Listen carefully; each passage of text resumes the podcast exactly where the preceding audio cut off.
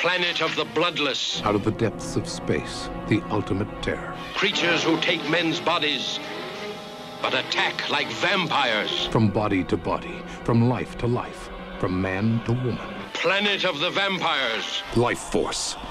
In the blink of an eye, the terror begins.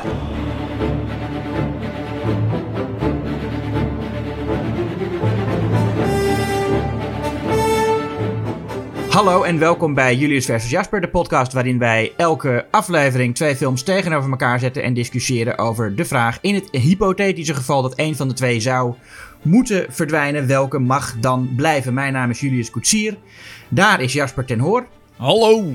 En vandaag, Jasper, hebben wij het over uh, twee uh, ruimte-vampierfilms. Soort van. Soort van. Ja. Het zijn twee keer ruimtevampiers Hoewel eentje niet echt. Ja, nou ja, dat is dan Planet of the Vampires, neem ik aan. Of, oftewel Terrore Nello Spazio van uh, Mario Bava uit 1965. Ja, wat betekent terror in space? Terreur in de ruimte, in, in je moerstaal. Wat, wat, wat wel een betere titel was. Dat is trouwens bij allebei deze films zo. Hè? Uh, ze hebben niet de best gekozen titel.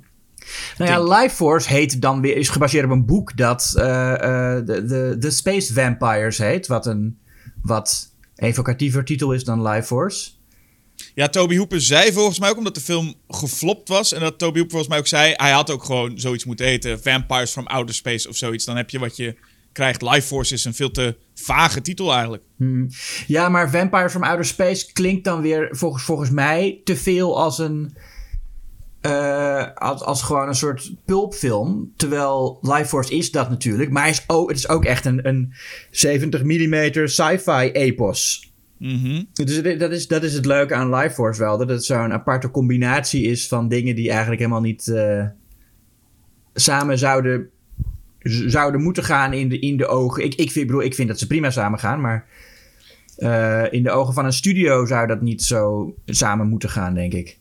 Nou ja, en Planet of the Vampires, die titel klinkt als dat dat gaat dus over vampiers in de ruimte. En dat is een beetje ook twijfelachtig als we straks naar de wezens kijken die erin zitten. Ja.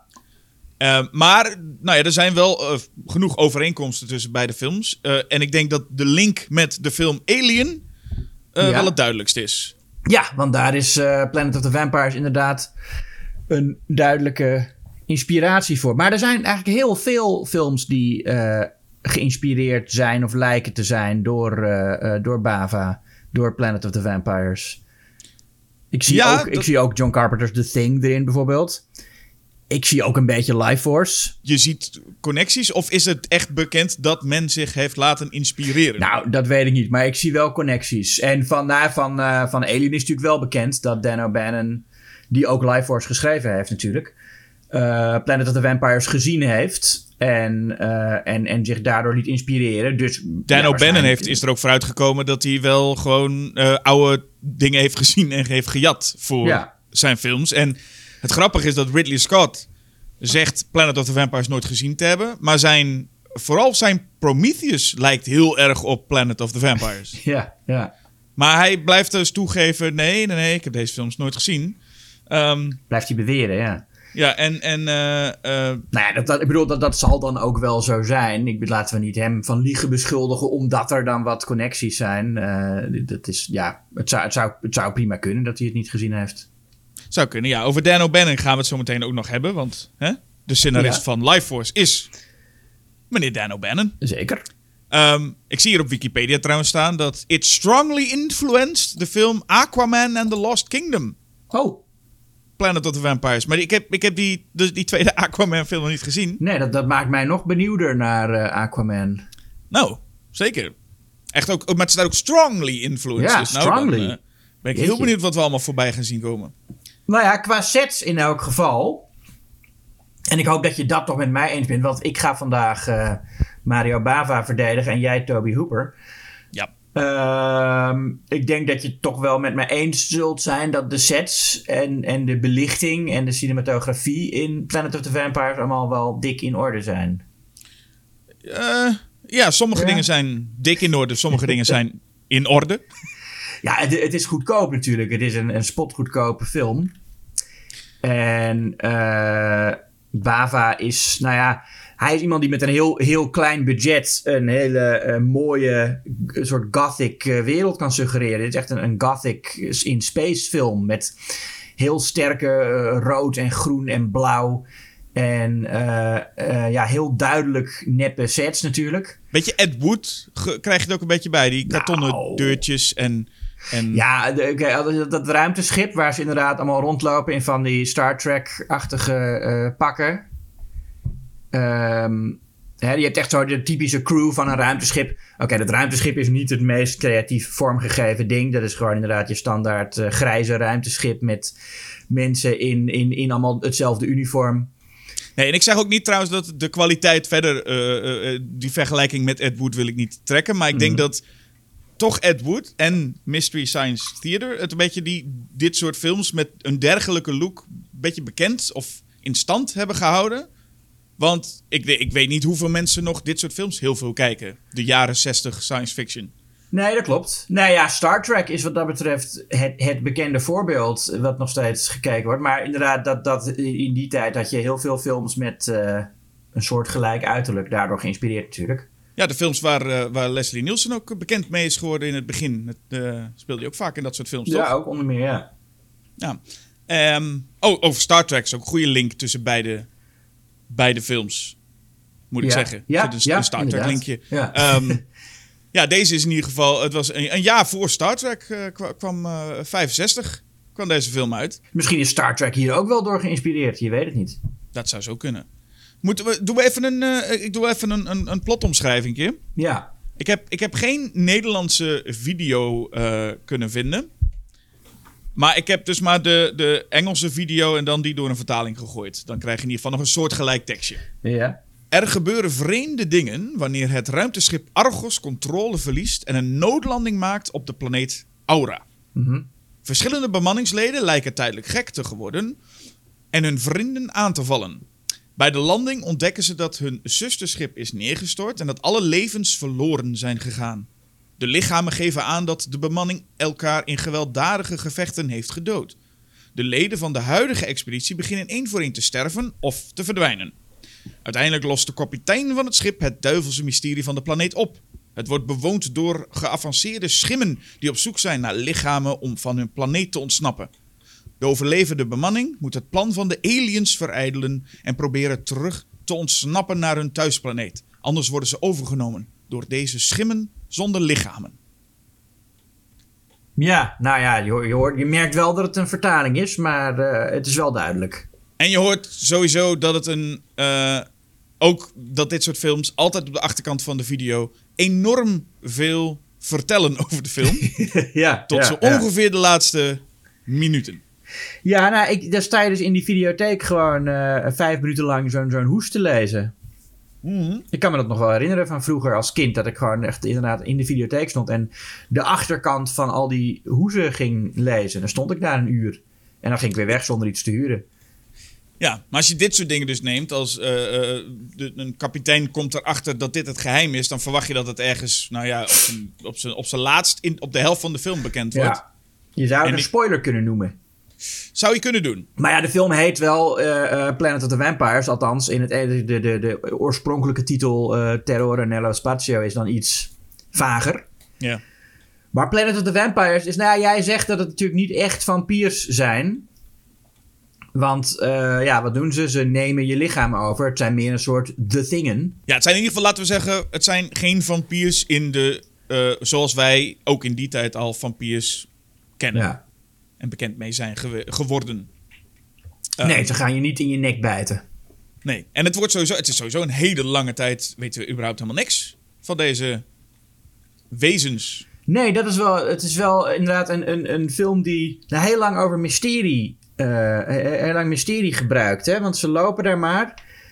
Ze, zijn, ze, ze storten inderdaad neer op die planeet. En dan gaan ze gewoon een eindje, ja, dingen onderzoeken. Maar dan is er eigenlijk heel weinig plot. Misschien is dat ook wel dat, dat de hoes gewoon dat moet vertellen. Want er, er gebeurt gewoon lange tijd niet zoveel. Behalve dat ze een beetje rondlopen op die planeet. En Ja. dat is dan een soort science fiction versie van het, het kerkhof of het bos. Wat, wat Bava in, eh, in eh, eh, Black Sunday al liet zien. Zo'n zo'n typisch gothic, mistig kerkhof. Maar ditmaal in kleur en in een science fiction setting. Met, eh, ik vind het een heel mooi werkende combinatie van de sci-fi esthetiek en de gothic esthetiek. Dat je zo een hele planeet hebt met eh, voortdurende mist op de grond en, en gekke bomen die daar staan. En dan vinden ze een enorm skelet van een wezen dat wij verder in de film nooit uh, met vlees erop te zien krijgen, maar wel daar liggen gewoon een paar grote mensachtige skeletten. Ja, dat is ook als je de, de poster van de film ziet, zie je ook gewoon onderin die wezens uh, eigenlijk in, in de aanval. Hmm. Met, met daaronder de mensen die ze beschieten. Dat is, en dat is gewoon echt false advertisement. ja. Dat is gewoon die wezens dat, is, dat zijn gewoon skeletten, daar gebeurt helemaal niks mee. Nee, maar dat is wel ook wel weer fijn. Het is echt een, echt een sfeerfilm. Als je, als je hoopt op een, uh, op een, uh, een snelle film waarin voortdurend actie is en zo het is wat dat betreft ook wel echt ouderwets jaren 60 sci-fi. In die zin dat het echt een slow burner is met heel weinig actie en veel. Uh, nou, ook niet eens zoveel gepraat, vooral echt heel veel sfeer. Ja, ik heb ook, maar ik heb ook de, de actie gezien die in deze film wel zit. En ik ben ook blij dat dat niet de hele film door is. Oh. Ja, het zijn een beetje gevechten. Nou ja, dat doet er wel ook denken aan Star Trek. Het zijn gewoon echt, ja, gewone acteurs die, die doen alsof ze elkaar slaan. Dus we hebben dus een, een, een, een crew, Mhm. een team in een, in, een, in een ruimteschip. En die hebben allemaal van die eh, leren pakken aan. Van die zwart leren pakken. Met zo'n eh, echt dus zeer onpraktische hoge kraag. Ja. En dat zijn van die kragen, dat zie je ook een beetje aan de acteurs. We, dat hebben we ook met meerdere Batman-acteurs gehad. Dat zijn van die kragen die ervoor zorgen dat je überhaupt niet opzij kan kijken. Ja, ja. Dus je ziet ze er ook een beetje ongemakkelijk bij. Het ziet er stilistisch interessant uit hoor. Ja. Maar je, uh, je, je hebt er geen klap aan. Je zou haast denken dat ze voorbereid zijn op de ruimtevampiers. Ja, dat gevoel heb je, ja. Maar uh, daar heeft het niks mee te maken. Er is volgens mij één moment dat iemand van het team een beetje doordraait... en die flikkert die kraag een beetje boos af, geloof ik. ja. En dat is eigenlijk de, dat ik denk, oh, ze kunnen er gewoon af. Waarom doet niet iedereen dit? Um, en dat, ja, wat zijn het dan? Een hoop mensen. En ik moet zeggen, een hoop witte mannen van rond de 40, 50... Ja. die enorm op elkaar lijken. Ja, Nee, ik had ook inderdaad echt moeite om, uh, om de personages van elkaar te onderscheiden. Wat dat betreft deed Star Trek en, uh, en Alien dat later toch uh, beter. Niet alleen. ik bedoel, dan, ik bedoel, na, naast de andere redenen om een, om een, om een cast met diverse mensen te hebben, diversiteit te hebben, is natuurlijk ook goed dat je de personages een beetje uit elkaar kunt houden. Want ze zijn ook qua karakter niet zo uitgesproken.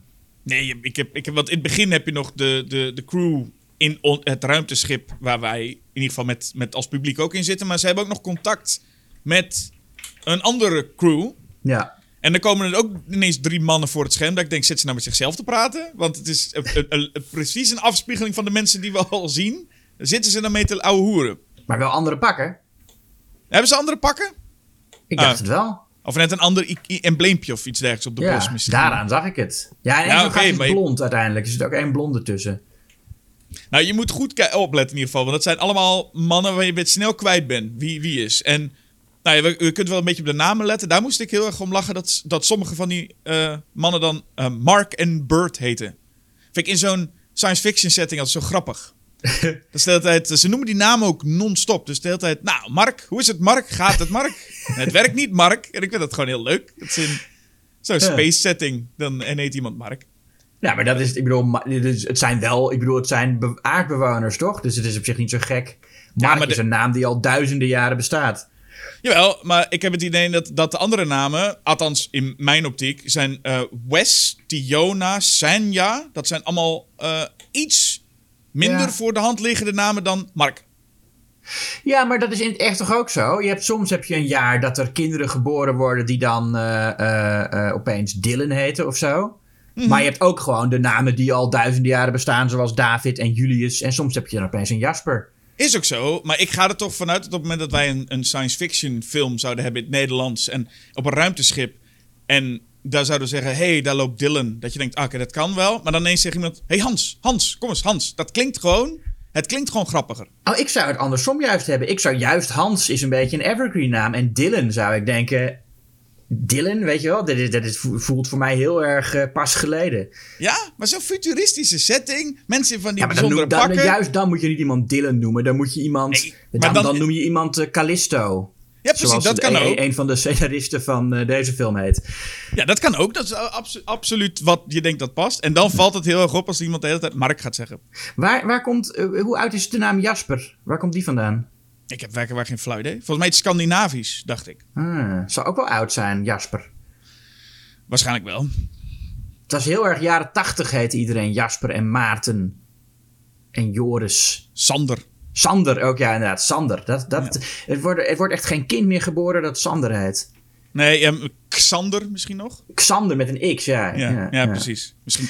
Ja, nou ja. Uh, maar, ja maar, nee, maar goed, dat is inderdaad het, het, het Luke Skywalker ding, hè. Dat iedereen... Uh, soms hebben ze hele rare George Lucas verzonnen namen.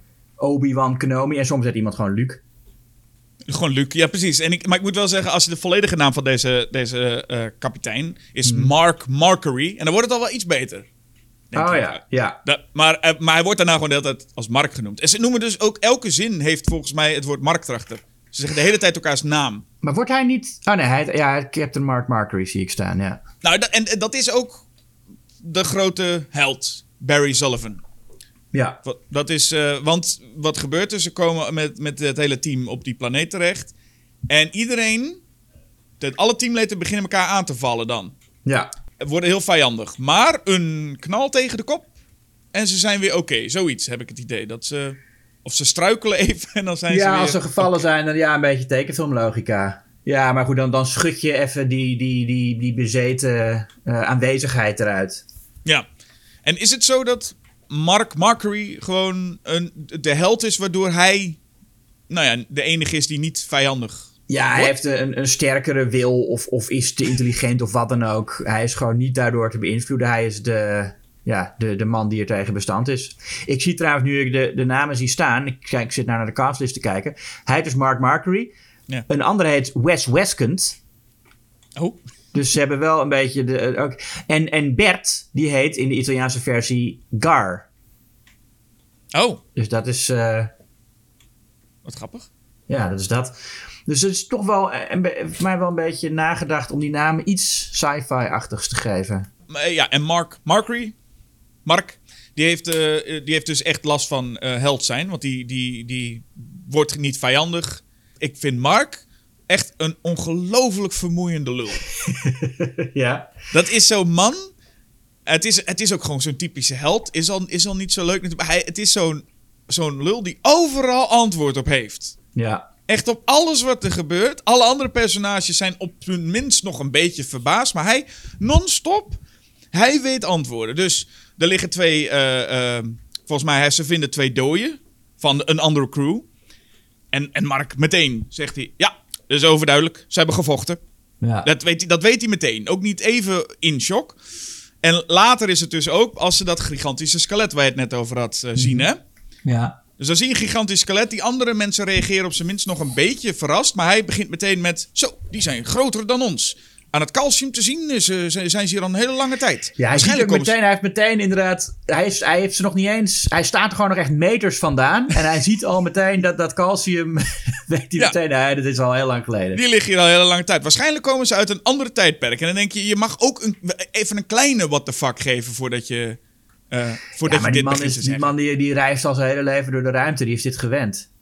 Dit soort dingen. Ja, maar dat is. En het valt op omdat hij de hele tijd. Dan gaan een ruimteschip binnen. En dan die, zo een van die dames die krijgt een schok. En dan zegt ze: Wow, ik kreeg een schok. Wat, wat volgens mij wel een goede reactie is nadat je een schok krijgt. Ja. Dan doet Mark het ook. En dan zegt hij: Zo, dat is meer dan 200 volt. Dat hebben ze vast gebruikt om bla bla bla bla. bla. Ja. Ik, wat een bedweter. Ja, want hij zegt die beesten zijn drie keer zo groot als ons. Dus die zullen dit ding gebruikt hebben zonder dat ze een schok kregen. Ja, ze, maar, ja. ja hij nou ja, goed. Zijn, zijn, meteen zijn theorieën, dat ook allemaal blijkt te kloppen. Maar echt zo'n zo'n man waar niet even een soort van klein schrikje... of dat hij denkt, ik reageer eens even al normaal. Ja, ik reageer eens even normaal. Nee, maar goed, die man... Ja, het is wel waar, het is natuurlijk een, het, het soort typische vermoeiende held... dat je in heel veel sci-fi uit deze tijd uh, tegenkomt. Uh, omdat hij gewoon altijd gelijk heeft en, en verder niet zo interessant is. Maar het is wel iemand die... Um, dit gewoon waarschijnlijk gewend is. Je moet je voorstellen dat je een, een, een bioloog bent en je hele leven lang al naar insecten zit te kijken. Als je dan een keer in de jungle een, een insect tegenkomt dat je nog niet gezien hebt, dan ga je ook niet zeggen: Wow, wat de fuck is dit? Dan, dan zit je ook een beetje van: Nou ja, oké. Ik bedoel, misschien zul je wel blij zijn dat je iets nieuws ontdekt hebt. Maar uh, je gaat dan toch vrij snel analyseren wat het voor, voor ding is. Ja, maar als er dan toch een dame naast je staat die dan, die dan, die dan reageert met... Wow, die zijn groot. Ga dan niet meteen... Weet je wat dit zijn? Dit zijn dit en dit. Doe even, doe even gewoon een paar seconden. Hou even je, je klep. Nou, dat is, hij is gewoon aan, lekker aan het mensplenen. Ja, nou dat. Maar echt bij alles. En alles wat er gebeurt, hoe gek het ook is... Mark heeft het alles gezien. Dat gevoel krijg je dan. Ja. Terwijl al die andere mensen wel gewoon reageren met... Oh, wat is er aan de hand? En ik snap wel... Je wil ook niet je hele film alleen maar personages die als, als uh, Keanu Reeves in de Matrix rondlopen met... Wow, wat is dit? Wow, wat is dit? Hmm. Maar ik vind Mark ook wel weer een, eh, een, het, tegenovergestelde. Zo'n man die alle antwoorden, alle antwoorden heeft. Hmm. En volgens mij is het niet de bedoeling dat iets zoals dit, dus de planeten met, met bijzondere wezens, dat dat iets is wat Mark ook allemaal al kent, toch? Nou, ik, ik denk dat hij wel. Ik denk wel dat de suggestie is dat hij al heel lang dit soort dingen doet. En dat hij wel vaker uh, uh, gekke aliens gezien heeft. Ja, ik moet even denken aan als je dan uh, het over The Thing hebt. Ik bedoel, die, die Kurt Russell als de helikopterpiloot. Ja. Die trekt ook conclusies. Ja, en weet op een gegeven moment ook wat te doen. meegemaakt. Die heeft dat nog nooit meegemaakt. Maar die heeft wel gewoon, die weet ook uiteindelijk wel. Die wordt ook een leider en, en weet op een gegeven moment mhm. wel wat er aan de hand is. Maar niet echt meteen, zodra hij ook maar één keer een rare tentakel ziet, en zegt, nou waarschijnlijk is dat uh, dit hè. Ja. Maar goed, het maakt Mark inderdaad een beetje een vermoeiend persoon. Eh, althans, ik vind hem vermoeiend om naar te kijken, maar het lijkt me nog veel erger als je met, uh, op missie bent met die gast. ja, nee, ik snap het. Ja. Nou, maar ik vind sowieso, dat is het grote nadeel van deze film, is wel dat er in, geen van de personages echt interessant is. Ik vond, ik vond Mark niet per se heel irritant of zo. Maar ik vond geen van die personages iets waarbij ik ook maar iets voelde van... Goh, leuk om met jou uh, tijd te spenderen. nee, dat klopt. Dat klopt. Ik denk dat ook de uh, vrouwenrollen heel, heel belabberd zijn. Ja, er zitten twee vrouwen in. Ik weet niet of we dat al gezegd hadden. Ik heb in ieder geval de namen Tiona en Sanja benoemd. Maar dat voor mensen, dat zijn de twee vrouwen in. Nou, die uh, zijn wel uit elkaar te houden, want de een is blond en de andere heeft rood haar.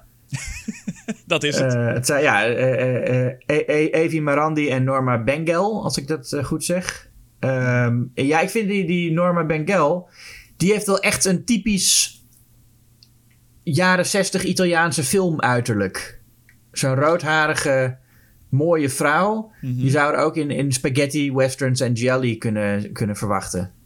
En, ja, want, oh, dat is, dat is, en misschien ook wel, misschien wel normaal voor die tijd of voor films van Mario Bava. Maar alle acteurs zijn, uh, spreken hun eigen taal eigenlijk. En zijn later gedubt. Ja, dat is in, voor Italiaanse films in die tijd is dat inderdaad normaal. Ja, en het blijft gewoon heel interessant vinden, het gegeven dat daar een hoop acteurs gewoon hun zinnen tegen elkaar hebben gezegd in een taal die de ander niet begrijpt. En dat is, een, dat is in de dubbing een dialoogje geworden. Ja, ja visueel medium, hè? dat zeggen de Italianen altijd. Maakt niet uit, waar, maakt niet uit waar het over gaat. En dat, ja, dat is ook zo. In dit geval. En die twee, het, vooral één van de twee, maar volgens mij beide dames, zou ik maar even zeggen. Die vrouwenrollen zijn wel in, nou ja, van het kaliber Vrouwen die huilend hun hoofd op de schouder van de stoere man gooien. Meteen ja, flauw vallen. Die wordt, uh, die wordt echt katatonisch als, als ze een, een paar mensen ziet. Uh, als, want op een gegeven moment gaan dus de, de dode lichamen gaan weer opstaan en, en komen tot leven. Ja. Nou, en die Tiona die wordt dan meteen, die heeft dan meteen nergens meer goed voor als ze dat gezien heeft. Net zoals Barbara in Night of the Living Dead wordt zij een beetje. Ja. Komt ze later wel van bij. Ja. Nou, het gebeurt zelfs meerdere keren. En dat is dus ook frustrerend. Als, omdat, wat jij zei al, er gebeurt niet superveel in deze film. En zeker het middenstuk niet. Waardoor zij een keer iets ziet. Daar, daar schrikt ze heel erg van. Maar daar, dan, daar hebben we het verder niet meer over. Ook gewoon, zij praat daar dan niet meer over. Ja. Daarna zien wij pas als kijker komen die lichamen uit de graven. Uh, en een, een, hele tijd later, dan is Mark met, met, uh, met nog een paar op expeditie geweest. Zijn ze wat on onderzoek, komen ze terug. Blijkt die dame weer van zijn flauw gevallen, want ze heeft weer iets gezien wat wij niet hebben gezien. Ja. ja. Dus het is de hele tijd, er gebeurt van alles, maar wij zien het niet. Alleen die ene vrouw ziet het en die valt daardoor steeds flauw. En begint dan verder ook nergens over. Ja. Ja, en dat gewoon überhaupt het flauwval is natuurlijk een vrij. Uh, ik weet niet of dat nog heel veel. Nou, het gebeurt niet echt meer in films nu. Dat, dat, mensen echt dat, af, dat vrouwen flauwvallen als ze iets schokkends zien. Of überhaupt, ja, überhaupt flauwvallen. Volgens mij gebeurt het ook wel vaak met mannen. Het was vaak zo'n transitie, toch? Je ziet iets heftigs, iemand valt flauw. Uh, ja, dat nee, dat is, dat, is, dat, is, dat is inderdaad een, een, een cliché dat vroeger heel vaak gebruikt werd. En nu zou het ook een beetje belachelijk zijn. Maar ik vraag me af of mensen dan vroeger echt vaker flauw vielen dan, dan nu. Ja, en ook dat misschien een beetje in, de, in dezelfde richting is dat iemand bewusteloos slaan. Ik heb het gevoel dat dat ook gewoon iets minder gebeurt nu. Ja, omdat we nu toch, denk ik. Vroeger was het gewoon echt een heel snelle oplossing. Dat, ik, er is ook zo'n James Bond film waarin, volgens mij is het Roger Moore. Die moet dan die, die neemt gewoon een, een onschuldige man. Gewoon iemand, een, een, een bouwvakker of zo, die daar staat. En dan heeft James Bond heeft zijn helm nodig om zich te vermommen of wat dan ook. Maar die slaat die man gewoon knock-out. Eh, omdat hij geen tijd heeft om uit te leggen wat er aan de hand is. Slaat die man gewoon knock-out. En gaat hij gewoon uh, doen wat hij moet doen. En dat is dan de held. Dan denk je, ja, oké. die maar, maar in zo'n film is dat dan dit. Nou, dan doe je gewoon even snel. Even die persoon eens eventjes uitgeschakeld. Ja. Uh, en dan, ja, niet echt zou die man dan drie dagen later uh, wakker worden en niet meer weten hoe zijn kinderen heten. Ja, daar mogelijk gewoon voor de rest van zijn leven iets aan overhouden. Ja. Voor één helmpje. En dat, ja, hier, het is, het is nog steeds op zijn heel theatraals. Dat flauwvallen gaat hier ook nog echt met armen in de lucht gooien. En oh, en dan neervallen. Mm maar het is vooral dus dat ook dan... Dus ook dat heeft een beetje die mark. Hè? Die blijft dus ook alles onder controle hebben. Maar dat dan iedere keer vrouwen echt zijn, hun hoofd op, hun, op zijn schouder gooien. Of op zijn borst. En dat hij maar moet zeggen... hey, kom op. Ja. En dan denk je dat deze Mark een hele slimme gozer is. Maar op een gegeven moment komen er dus twee gasten van, het, van een ander team komen terug. Doen heel mysterieus. Verdragen zich echt uber verdacht. Mhm. Ze weten dat er hele rare dingen aan de hand is. En dan zegt Mark... Ah ja, gaan jullie met z'n tweeën maar gewoon je ding doen. Hier, ga maar. Nee, die conclusie trek je dan weer niet. Dat ze, dat, nee, want hij weet wel dat mensen inderdaad bezeten kunnen worden. Maar uh, hij heeft nog niet bedacht dat, dat deze gasten dat ook zijn van het andere ruimteschip. Nee. Nee, want wat, wat in de plotomschrijving staat, dat, dat de aap echt uit de mouw komt, is na ongeveer een dik uur van de film. Ja. Dan komt er een, een man in het lichaam van Salas, heette die volgens mij. De, de, Mhm. ook, ook een kapitein. Ja. En Salas, die, ja. En die begint dan op het moment dat ze die dan betrappen. En die gooit in echt in één keer alle expositie eruit. Alles. Ja. Die vertelt echt het volledige verhaal in geur en kleur. Dus je hebt heel lang mysterie gehad, maar daarna zeggen ze ook... En nu is het ook gewoon afgelopen met het mysterie. Dus Ja, nu vertellen heb, we alles. Dan heb je ook gezien hoe zijn lichaam eruit ziet. Want eh, dat is wel vrij eh, uniek voor dit specifieke genre. Dat Bava er tamelijk wat gore in stopt op momenten. Ja, dat ene shot ineens van dat, eh, eh, van, nee, dat soort Candyman-achtig onder zijn jas. Ja, dat hij inderdaad zijn hele... Wat hij trouwens ook al, zit ik te denken, in Black Sunday ook. Dat hij had iets met eh, een, een, een, een borstkas die helemaal... Ja, waar ribben uitsteken en die bloederig is en aan het wegrotten is.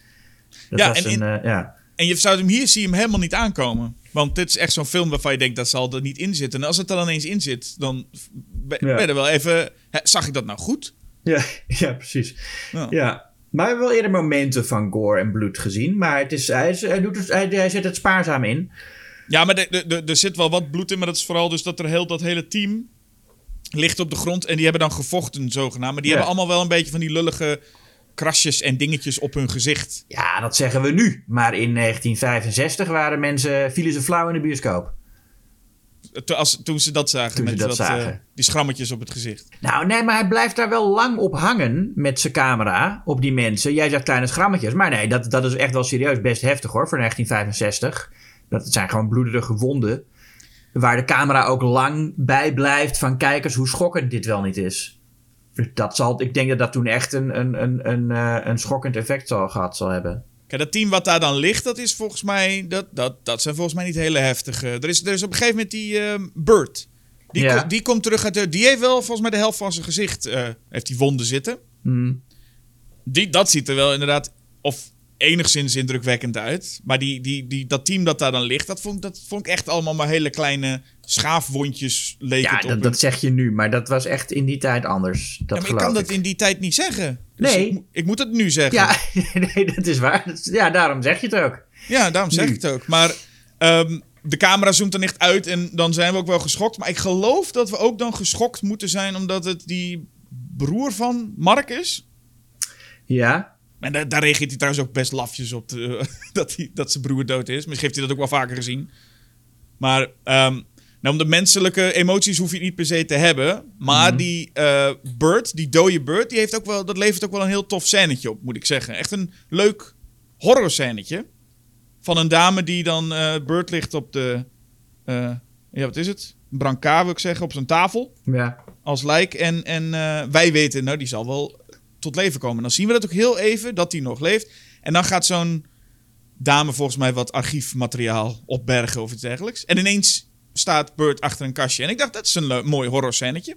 Ja, en je ziet hem ook kijken met een, met een soort eh guitige blik als hij daar staat. Ja, Hij klopt. heeft iets van een, een kleine glimlach van, oh, ik, heb, ik liet je schrikken, hè? Ja, dan is het wel jammer dat de scène eindigt met dat zij dan flauw valt. En dat was het ook. Ja. Maar goed, ja, waar ging het nou precies om? Heb, heb jij dat goed helder? Want het, zijn, het is een soort... Wat het plan is van de, van de wezens. Er zijn een soort wezens die... En er is iets van met een uitstervende zon, geloof ik. Dat ze zeggen, ja, we hebben, een, we hebben lichamen nodig. Ja, hun zon gaat dood. En zij, kijk, je ziet dus nooit wat nou eigenlijk de natuurlijke vorm is van die wezens. Of het moeten die gekke lichtvlekken zijn die op een gegeven moment te zien zijn.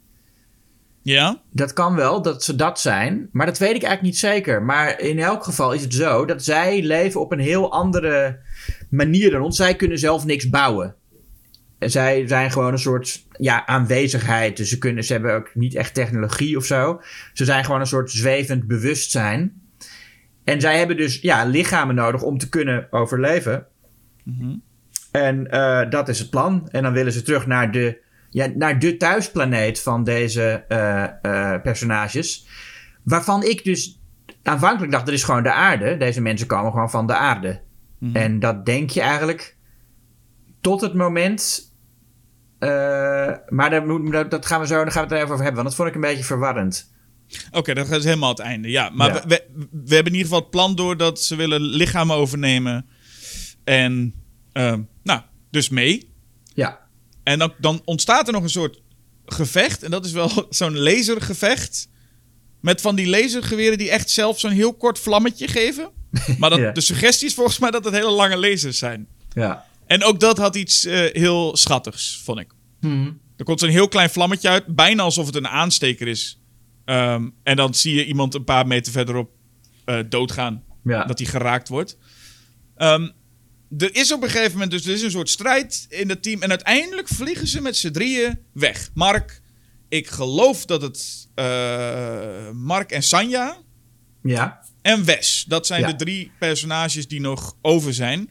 En dan zegt die Wes ook, die man die we verder eigenlijk heel weinig... In ieder geval, ik had hem heel weinig, stond hij op mijn radar. Maar die begint ineens te over, ja, joh, we waren met z'n 18 en nu zijn er nog maar drie over. Ik, ik ben was blij dat hij dat vertelt, want dat gevoel had ik dus helemaal niet. Van, oh, we waren met 18 en nu zijn er nog maar drie. Dat klinkt als een enorme slachting, maar dat heb je eigenlijk niet echt door. Nee, en het is eigenlijk niet heel erg in de rouw om die mensen of zo. Nee. Ja, dan begint die Wes, dat is dit, we zitten nu echt aan het einde van de film, begint die Wes ook hele snelle conclusies te trekken. Althans, hij gaat slapen en ziet ineens Mark lopen. Ja. En die loopt daar met zijn, met zijn, met zijn geweer. Ja. En hij loopt meteen naar Sanja toe met... hey, die Mark hè, die vertrouw ik niet.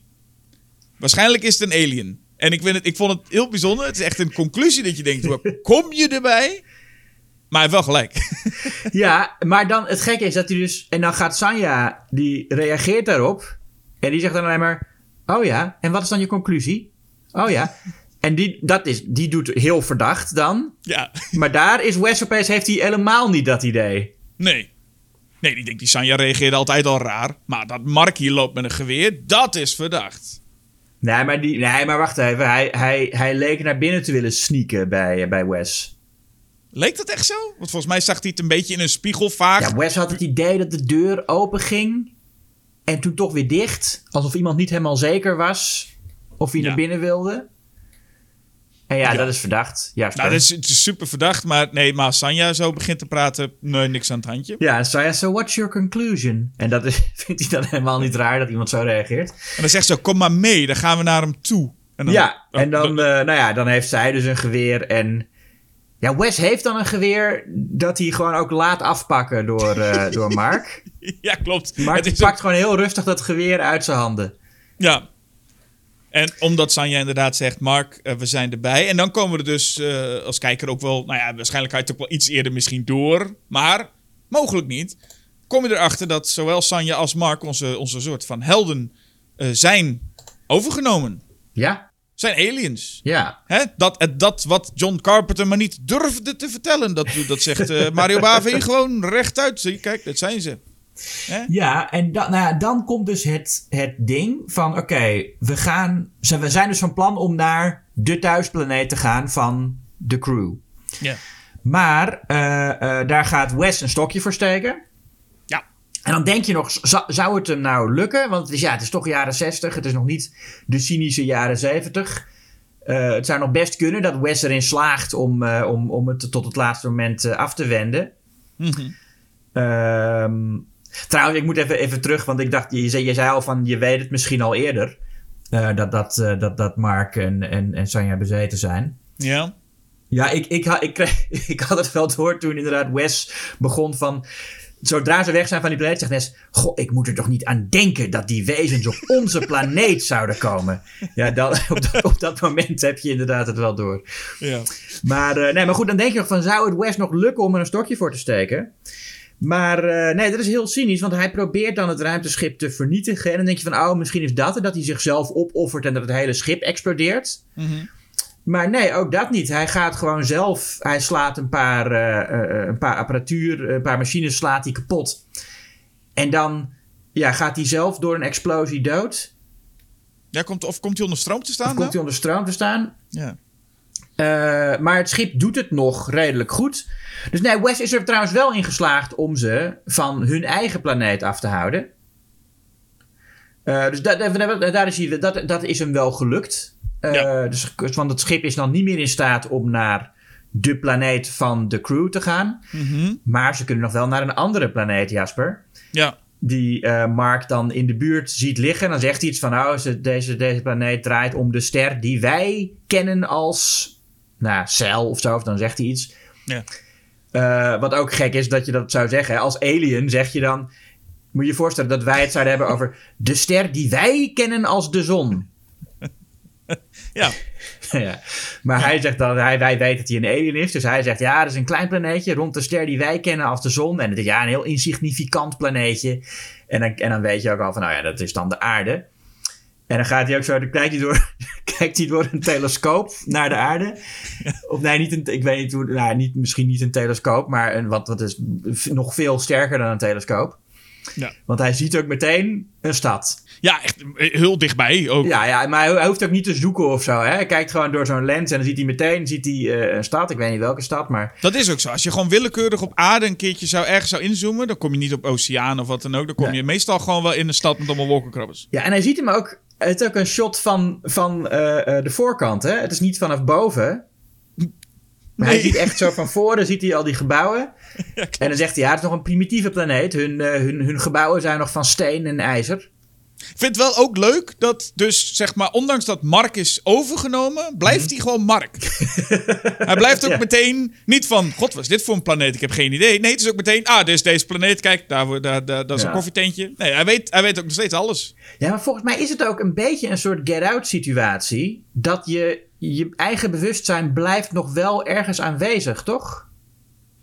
Oh ja, nou in dit geval zou het dan zijn dat, ze, dat zijn bewustzijn en karaktertrekken allemaal nog heel erg op de voorgrond zitten. Nou ja, dus... hij zegt namelijk, want dat zegt hij ook, van, uh, of dat zegt die andere die overgenomen is, van ja, we zijn geen uh, parasieten, het is, het is symbiotisch wat we doen. Dus je bent er zelf nog wel een beetje bij. Een beetje Invasion of the Body Snatchers-achtig misschien. Ja, precies. Je bent er oh, gewoon maar dan een beetje andersom. bij. Want dat is dan heel kut voor die alien. Dat je dan denkt, god, ik zit in zo'n mansplainer bedweter als Mark.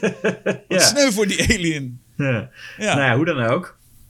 Maar goed, ze gaan Eh. dus naar de aarde. Maar wat jij dus zegt, is dat ze gaan naar de aarde... omdat dat nou eenmaal gebeurd is door, door Wes. Ja. Maar daar gaan ze dus niet naar de thuisplaneet van Wes, zeg je. Ja. Dus waar komt Wes vandaan? Nou ja, dat is, maar dat, dat is dan zogenaamd... Ik vind het heel raar, want je zou denken... Dat is dan de twist. Dat ze naar de aarde gaan in plaats van de thuisplaneet. Ja. Maar ik was er altijd van uitgegaan dat de thuisplaneet de aarde is. Hoewel ze er wel naar refereren als Our Planet, wat ook een soort. Als je, als je terugdenkt, ja, dat is ook wel raar geforceerd om te zeggen. Als het, aarde, als het de aarde zou zijn, zouden ze gewoon aarde gezegd hebben. Maar ze zeggen het over onze planeet. Ja. Uh, dus dan had je het eigenlijk wel kunnen weten. Maar als, ik was er eigenlijk van uitgegaan dat dit gewoon ver in de toekomst speelt. En dat zij naar. Nou ja, dat ze van de aarde komen. Mm -hmm. Maar nee, de, de twist is dan dat het eigenlijk gewoon de aarde in het nu is. En dat zij van een andere planeet komen. En ja, ja die twist die zit me toch niet helemaal lekker. Ik denk dat er een. een nou ja, wat de klassieke eigenlijk een, een heel clichématig einde voor zo'n science fiction verhaal. Maar wat ik toen wel verwachtte, op het moment dat ze zeiden van we moeten naar een andere planeet, uh, verwachtte ik, Jasper, mm -hmm. dat dit in de oertijd zich zou afspelen en dat de aarde nog niet bewoond is. En dat deze wezens dus onze voorouders zijn. Gewoon, dit is wat mensen zijn. Ja, en dat is een heel clichématig. Dat, was, dat, dat is ook echt een, een, een, een, een, uh, een naam voor, voor dat verhaal. Ik weet niet meer hoe het heet. Maar het, het schijnt dat dus in de jaren 60 en 70 science fiction tijdschriften minstens één keer per maand dat verhaal opgestuurd kregen van twee astronauten landen op een vreemde planeet en aan het einde heten ze Adam en Eva. Oh, ja, ja, precies. Ja, ja, ja. Uh, dus ik had, ik had eigenlijk die twist verwacht hier, maar dat is het ook weer niet, want het is gewoon de aarde in, uh, in uh, 1965. En het is, het, gevoelsmatig is het zo totaal onnodig, want als ze puur hadden gedaan dat, dat die Wes niet ze van koers af ging halen, mm -hmm. Dan was het gewoon dat ze, was het verhaal gewoon uiteindelijk geweest, ze gaan terug naar de aarde. Ja.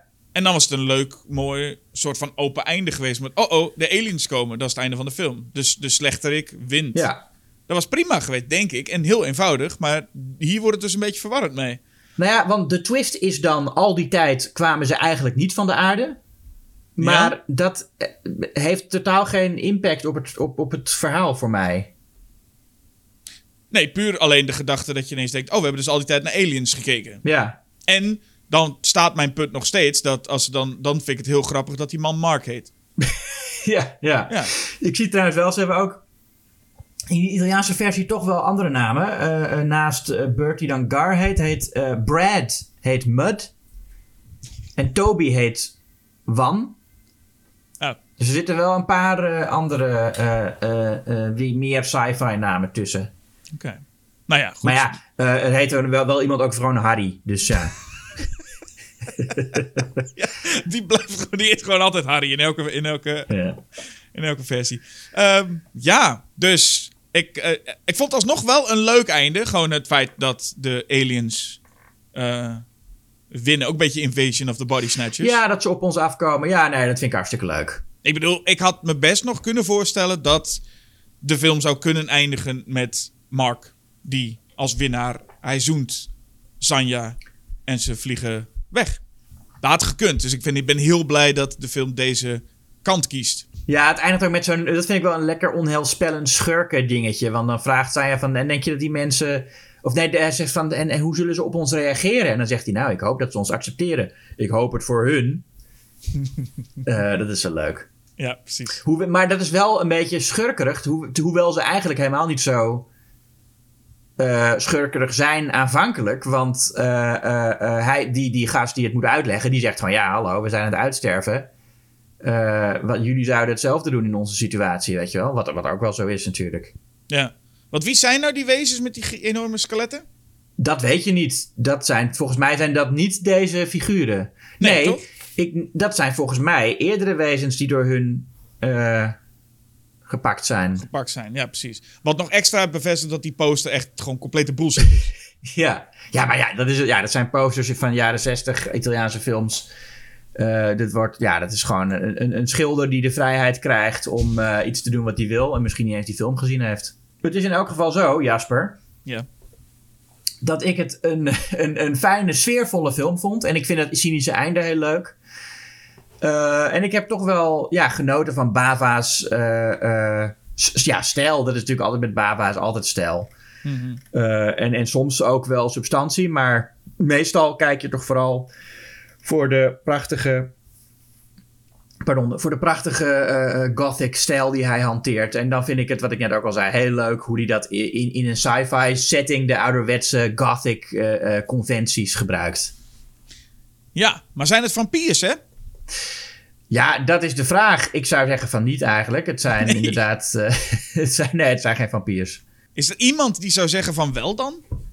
Ja, degene die, die de Amerikaanse titel heeft bedacht. Want het is dus, het is wel, ja, Bava treft geen blaam, want de film heet gewoon uh, Terror nello Spazio. En het is gebaseerd op een verhaal dat heet Een Nacht van 21 Uur. Ik denk dat het gewoon is omdat je niet weet wat voor wezen het is, kun je er dus alles van maken. En ja, dan zal de marketingpersoon wel gedacht hebben, wat is nu hip? Of wat, wat, waar gaan mensen nu wel misschien naartoe?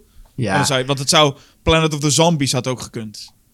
Had ook ja, en dat, dat, want het zijn wel wand, er zitten wel wandelende doden in is eigenlijk nog logischere titel dan. Ja. Ja. ja, maar hij werd er, in, in Amerika werd hij, kwam hij uit op een double bill hè, met uh, Die Monster Die, met Boris Karloff. Ja. Dus dacht ook, wilden ze een beetje dat horrorpubliek aanspreken. Nou, vampiers zijn het waarschijnlijk niet. Um, zitten die wel in Life Force, is de vraag. Nou, dat heeft de, de, meer dan hier. Want op een gegeven moment wordt ook wel gezegd dat de vampiers uit onze legendes misschien gebaseerd zijn op deze wezens. En dat vind ik altijd een leuke, een leuke uh, uh, conventie als dat gezegd wordt. Ik denk als ik de videoband... Ik heb hier dus wel de videoband van. Yes. Um, en als ik de videoband moet geloven, dan, dan gaat het zeker over vampiers. Oh. Want dat komt wel het een en ander terug. Ik, uh, er, is, er is eerst een, uh, een zinnetje op de voorkant. Mm -hmm. daar staat... Een superieure vampierfilm ruimtevampieren proberen Londen te verwoesten. Hm. Dat is al in ieder geval twee keer vampier in één zin op de voorkant. Ja, Dan gaan we naar de achterkant. En die heeft zowel een zinnetje erboven... als twee fotootjes met zo'n pijltje. Dus ook met een soort ja, uh, fotobijschriftje. En kijken of je, nou ja, ziet of daar een... Ik zal ze allemaal even noemen. Mm Kijken of je een woord vaak terug hoort komen. Oké. Pas op voor de mooiste ruimtevampier die u ooit gezien heeft. Ze heeft maar één doel voor ogen: dood en verderf. Wie een kus van de ruimtevampieren krijgt, sterft een afschuwelijke dood. Een mooiere ruimtevampier kunt u zich niet voorstellen. maar haar kus is dodelijker dan een beet van de giftigste slang. Het lijkt nou alsof, degene heel erg getwijfeld heeft van hoe zal ik dit beginnen. Want de mooiste ruimtevampier, zo'n mooie ruimtevampier. Nou, maar haar kus is duidelijk hè. Maar mooier kun je je niet voorstellen. Maar pas op. Het zijn echt allemaal gewoon hetzelfde. Ik heb het idee dat in ieder geval hier wel duidelijk het over een ruimtevampier gaat. Ja. Uh, en dan heb ik dus de, de plotomschrijving nog niet gehad. Laat ik die meteen even doen, dan weten we waar Life Force over gaat. Mm Een Brits-Amerikaans ruimteschip op zoek naar de geheimen van de komeet Halley treft in de staart van de komeet drie lichamen aan. Even later wordt van het ruimteschip niets meer vernomen. Maanden hmm. later wordt het uitgebrande ruimteschip gevonden. Alleen de drie lichamen blijken ongeschonden. Eenmaal in een Londens laboratorium komen de lichamen ineens tot leven. Er staat hier Ted leven, maar dat geeft niks. Het blijken ruimtevampieren. Die zich door niets of niemand laten weerhouden om op aarde slachtoffers te maken. Slechts één man zou een einde kunnen maken aan hun bloedige spel. Maar komt hij op tijd? Puntje, puntje, puntje. Ja. Dat is het ding, hè? Je hebt, je hebt het over ruimtevampieren die heel Londen opstaan. Maar het is vooral, komt die man wel op tijd? ja. Dus, Goh, uh, ik, vind, ik, vind het, ik, moet ik vind het woord vampieren heb ik altijd een soort ergernis. Want ik heb altijd vroeger uh, geleerd vampiers van Paul van Loon. Die schreef altijd gewoon consequent vampiers ja. in zijn boeken. Waardoor ik heel lang gewoon echt heel irritant vond als mensen vampieren zeggen. Maar ja, het is nu, het wordt zo vaak gebruikt. Het zal ook wel correct zijn. Oké. Maar toch heb ik altijd een soort aversie als ik iemand vampieren hoor zeggen. Nou ja. Dus ik, ik, ik blijf vampiers zeggen. Ja, dat is prima. Ja, ik, ik, lees puur wat op de achterkant. Ja, nee, het is ook geen kritiek op jou. Of, of en, en, en, ook niet echt op degene die het geschreven heeft. Want ja, vampier, ja, dat is, dat is natuurlijk, kan ook gewoon. Um, ik vond het wel grappig dat, het, dat ze zeiden: ruimtevampieren proberen Londen te verwoesten. Alsof dat het doel is. Alsof zij daar in de ruimte we, we moeten Londen verwoesten. Ja. Maar dat, dat is natuurlijk niet echt het doel, hè? Nee. Even kijken. Nou, we, we, we noemden al eh, Dan O'Bannon dus. Ja, nou, Dan O'Bannon, daarvan weten we in elk geval dat hij zich voor Alien heeft laten inspireren door Planet of the Vampires. En dat, dat, dan zou, je, zou ik ervan uitgaan dat dat voor deze film ook wel geldt. Dan O'Bannon en Don Jacoby schreven samen het script. Mhm. Eh, gebaseerd op het boek wat je al zei, The Space Vampires van Colin Wilson. En die, die eh, eh, O'Bannon en Jacoby die schreven ook eh, Invaders from Mars voor Toby Hooper. Ja, de remake. Want Toby Hooper heeft een drietal eh, films eh, eh, kreeg hij, eh, voor, voor Canon Films, die toen nog bestond. Mhm. En die eh, mocht dus drie films maken. Volgens mij vooral ook na het succes van Poltergeist. Dat ze zeiden, kom op, jij mag hier drie films, hier is een contract. Nou, eerst Life Force dus. Mhm. Dat werd een flop. Toen Invaders from Mars, dat werd ook een flop. En toen kwam Texas Chainsaw 2, dat ook niet helemaal deed wat men hoopte. Dus ik denk dat we de drie aangename films v- van terug gehad hebben. Maar de studio was niet heel blij Nee, met deze drie, deze, drie luik van Toby Hooper. Nee, nou ja. Maar wij wel. Zoals Wikipedia ook zegt, hè, de film eh, eh, eh, was een box office failure, but has since become a Een cult film. cultfilm. Ja, Ja. zoals de 50% van de films die wij hier bespreken. Ja, ja, dus ja, Life Force. Ehm, ja, nou ja, maar dat, is- een, een film die we nog niet genoemd hebben, die hier ook wel mee verbonden is, is de film waar Toby Hooper ook wel een liefhebber van was. Eh Quatermass and the Pit. Een vroege Hammer-film. Ah ja. Ehm, ja, dat was voordat Hammer bekend stond om horror. Ehm werden ze met, met Quatermass and the Pit. Eh, eh, of nee, hadden ze. Nee, dat was, die, de Quatermass and the Pit is van later. Nee, ze hadden daarvoor al een Quatermass film. In eh 57, geloof ik. En dat was eigenlijk hun eerste. Het was nog een science fiction film, maar hun eerste stap richting horror. En, en het jaar daarop maakten ze Curse of Frankenstein en zo. En later kreeg die Quatermass dus nog vervolgen. eh Quatermass 2 en Quatermass in the Pit uit, eh, uit eh, eh, 67, geloof ik. Even kijken. 67. Ja, dat klopt. Nou ja. Ehm, die Quatermass, dat is een wetenschapper en, en die ontdekt dan allemaal alien dingen in, eh, in, in, eh, in, in Londen. En Quatermass in the Pit heeft ook zo'n idee dat heel Londen op stelte gezet wordt door ruimtewezens. Eh en ja, en Toby Hooper was ook wel echt een, een, een, een Hammer-liefhebber. Dus hij was heel blij met deze kans. Dat hij zegt van ja, ik ga gewoon echt een soort Hammer-stijl film maken. Maar dan met een, budget van eh, 25 miljoen. Ja. Eh, en dan wordt het, ja, eh, wordt het echt een, een, een, soort sci-fi epos, was ook het idee. Hè? Want het was ja, ze- op 70 mm geschoten. En dat is ook de indruk die je krijgt aan het begin met die, met die muziek van Henry Mancini Zo. dat dit echt een grote, epische science fiction klassieker is eigenlijk. Ja, want je denkt toch, ik bedoel, we hebben, we hebben, we hebben hier Toby Hooper, de man van Texas Chainsaw Massacre. En eh, die al met, eh, met vampiers bezig was met Salem's Lot. En die gaat dus nu iets met vampiers doen. Dat kan een, een, een, een groezelige horrorfilm worden. Maar dan komt, begint ineens die film begint met een soort epic Star Wars Ivanhoe trompet theme. Dat je denkt, wat krijgen we nou? Ja, Dat die Mancini, dat is, die, dat, hij is wel een beetje een, eh, een imitator, denk ik. Je hoort, ja, zijn score voor Friday the 13th is natuurlijk heel erg psycho. Nee, dat, is- dat is Harry Mancini. Oh, oh We hebben het hier over de Henry Mancini. Shit, hè? ik, Dat is... ik zat helemaal Ik dacht dat het Harry was. Ik, eh, Nee, Henry van de Pink Panther. Pink Panther, ik wou zeggen. Ja, nee, dat hoor je. Want ik dacht, eh, dat- ik, ik moest zeggen dat ik het bij Mancini ook even dacht. Ik denk, ja, Toby Hooper en een Mancini als componist, dat zal wel Harry zijn. Maar het is de Henry Mancini. Ik schaam me dood dat ik dat niet eh, gezien heb. Nou, Nou, Henry. dat, is, dat is nergens voor nodig. Maar het is wel echt, de op muziek is wel, ik had het ook echt opgeschreven als zeiden, dit valt echt op deze muziek. Die, die knalt erover. Ja. Na dat stukje muziek wordt nog opgevolgd met een klein stukje voice-over van John Larroquette. Compleet onnodig zou ik bijna zeggen, maar het voelt bijna alsof Toby Hooper dacht... ja, ik heb John Larroquette gebruikt in eh, Texas Chainsaw Massacre, ik ga het nu nog een keer doen. Die, die, die vertelt even heel kort wat er aan de hand is, maar het is niks wat wij eh, echt zouden moeten weten, heb ik het gevoel. Ja, dat is wel sfeervol. Dit is vooral een sfeer voor mij. Het, zet- het zet een beetje de toon.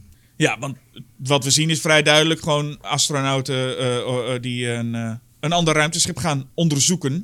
Ja. En dan zie je ook wel, dat is wel grappig, het is natuurlijk dan wel geschreven door Dan O'Bannon. Maar ook als ze dan dat, dat, dat ene ruimteschip en zo ingaan, het heeft ook allemaal qua design heel erg eh, eh, Geiger. Dus je hebt, je hebt het idee dat dat ook visueel gewoon heel erg naar Alien is gekeken. Ja, ja zeker. En dan zien ze wat oude bewoners van dit ruimteschip. Dat zijn een soort gigantische vleermuizen. Ja. En dan denk je op zijn minst... Ik dacht in ieder geval al, ook na, nadat ik net uh, um, Planet of the Vampires heb gezien... Ah, ik, de link met ruimtevampieren is al dichterbij. Door in ieder geval van die gigantische vleermuizen te zien. Mm Maar geen idee wat daar nog mee gaat gebeuren. En dan inderdaad de drie lichamen. In een soort kristallen. Mooie, mooie sets, moet ik zeggen. Mooie, ja, vooral schilderijen denk ik dat het zijn. Die gemaakt zijn, matte paintings. Um, met, met drie naakte mensen in een, uh, in een soort kristallen. Ja. Waarbij wel opvalt dat de mannen zijn allemaal helemaal naakt. Maar bij de mannen zit er wel iets, iets voor de penis. Ja. En dat is ook gedurende de rest van de film. Je ziet nooit een, een, een, een lul of, of zelfs de billen van een van de mannen. Nee, ben je gek? Dat, nee, dat, uh, terwijl de vrouw is gewoon uh, full frontal. Nou. Nou, ja, dat is natuurlijk ook waar deze film vooral onbekend staat. Uh, is natuurlijk Matilda May als, nou ja, op de aftiteling staat dan Space Girl. Ja, het krijgt niet eens een naam. Ja. Space Girl. En eigenlijk de grote slechterik van de film. En zit, zit niet eens super lang in de film, maar ze is ook vanwege dat ze naakt uh, is. Uh, maar ook nog wel andere reden is het, het, een heel memorabele rol eigenlijk. Maar ze, ze... Ja, nou, het, dat is een beetje mensen die de film dan niet gezien hebben, die, of, of misschien ooit een keer gezien hebben en zich, en, want je, je vergeet ook heel veel wat er in deze film gebeurt, althans ik. Ja.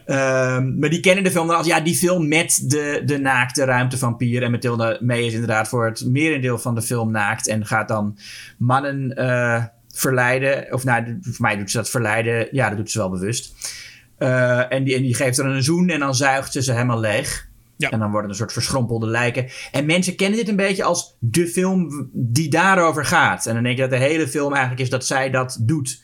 En dan is het meer, ja, dan denk je misschien aan Species of, uh, of Under the Skin, wat daar ook een soort variant op is van Jonathan Glazer. Mm -hmm. Maar dat is inderdaad echt, dat is het eerste half uur of zo. En daarna is die hele Matilda May, uh, doet niet meer mee. Ha.